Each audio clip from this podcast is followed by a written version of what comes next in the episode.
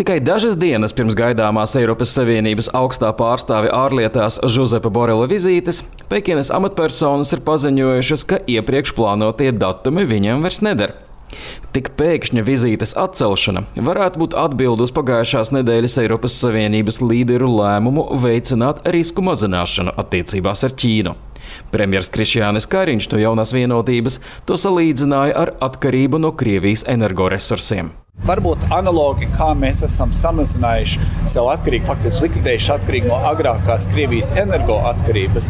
Tagad, pirms krīzes, tā varētu teikt, vai negaidot krīzi, mācoties arī no Krievijas gadiem, Eiropā tagad pakāpeniski meklēs samazināt šīs, varētu teikt, piegāžu ķēžu atkarības. Līdzīgi ekskluzīvajā intervijā Eironet Plus radiostacija tīklam izteicās arī Borels. En este momento tenemos con respecto a China dependencias Pašlaik mēs esam tikpat atkarīgi no Ķīnas digitālajā jomā, kā mēs bijām no Krievijas enerģētikas jomā. Mums ir jāsadarbojas un jāizvairās no pārmērīgas atkarības. Tas ir pašsaprotami. Kariņš minēja litiju kā vienu no būtiskām nākotnes ekonomikas izēvielām. Piemēram, litija piegādē tur ir ļoti liela atkarība, bet kā komisijas vadītāja Vanderlaina kundze stāstīja, ka piemēram litijas ir ceļš, kas iet no Dienvidamerikas uz Ķīnu un tad tālāk pa pārējo pasauli. Tikpat labi var strādāt ar Dienvidamerikas valstīm, lai tā viela iet citu ceļu. Tomēr amatpersonas Pekinā nolēma ķerties pie Gallija un Germānijas. Viņa paziņoja Eiropas komisijai, ka no šā gada augusta visām ierīcēm, kas satur šīs vielas, būs nepieciešama duālās izmantošanas licence.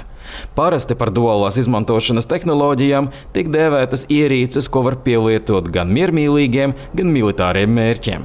Tomēr Eiropas komisijas preses sekretāre Sonja Gaspadzinova saka, ka Ķīnas minētie drošības apsvērumi varētu būt tikai iegansts. The Commission is concerned Eiropas komisija ir satraukta, ka šie ierobežojumi varētu nekādi nebūt saistīti ar vajadzību pasargāt mieru un stabilitāti pasaulē, kā arī ar Ķīnas kodolieroču neizplatīšanas saistībām, kas balstās starptautiskos līgumos.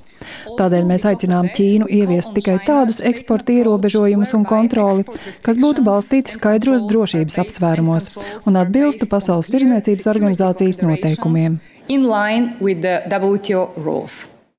Gan Gaulijas, gan Germānijas ir ārkārtīgi nozīmīgi zaļo un digitālo tehnoloģiju ražošanai, un tos Eiropai piegādā tikai Ķīna. Tādēļ Eiropas Savienības likumos šīs ķīmiskās vielas ir nodēvētas par kritiski svarīgām un strateģiski nozīmīgām izēvielām. Visticamāk, tā varētu būt Pekinas atbilde uz Nīderlandes un ASV lēmumu ierobežot mikroshēmu ražošanas iekārtu eksportu uz Ķīnu. Viens no iemesliem tam ir, ka Ķīna piespiež uzņēmumus nodot varas iestādēm tehnoloģiskos komercnoslēpumus, un vēlāk tās uzņēmumi sāk paši ražot līdzīgas iekārtas. To pieminēja arī Borels, runājot par automašīnu ražošanu. Con China tenemos una relación compleja, inevitablemente compleja, porque China. Mums ir sarežģītas attiecības ar Ķīnu. Tās ir sarežģītas, jo Ķīna kļūst arī par arvien lielāku ekonomisko konkurentu. Paskatieties tikai uz Ķīnas automašīnu eksporta pieaugumu. Līdz šim mēs esam eksportējuši automašīnas. Tagad izrādās, ka Ķīna eksportē vairāk automašīnu nekā Japāna vai Vācija. Daļēji tas notiek tehnoloģiju nodošanas dēļ.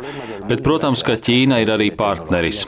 Nevienu globālo problēmu nevar atrisināt bez Ķīnas iesaistes. Ķīna katru dienu sadedzina vairāk ogļu nekā visa pārējā pasaule kopā. Tādēļ, ja jūs gribat atrisināt klimata pārmaiņu problēmu, jums nāksies paļauties uz Ķīnu. Tomēr viedokļi par to, cik lielā mērā Eiropas valdībām vajadzētu ierobežot uzņēmumu sadarbību ar Ķīnu, pašlaik dalās. Arčuns Konahaus Latvijas Rādio Briselē.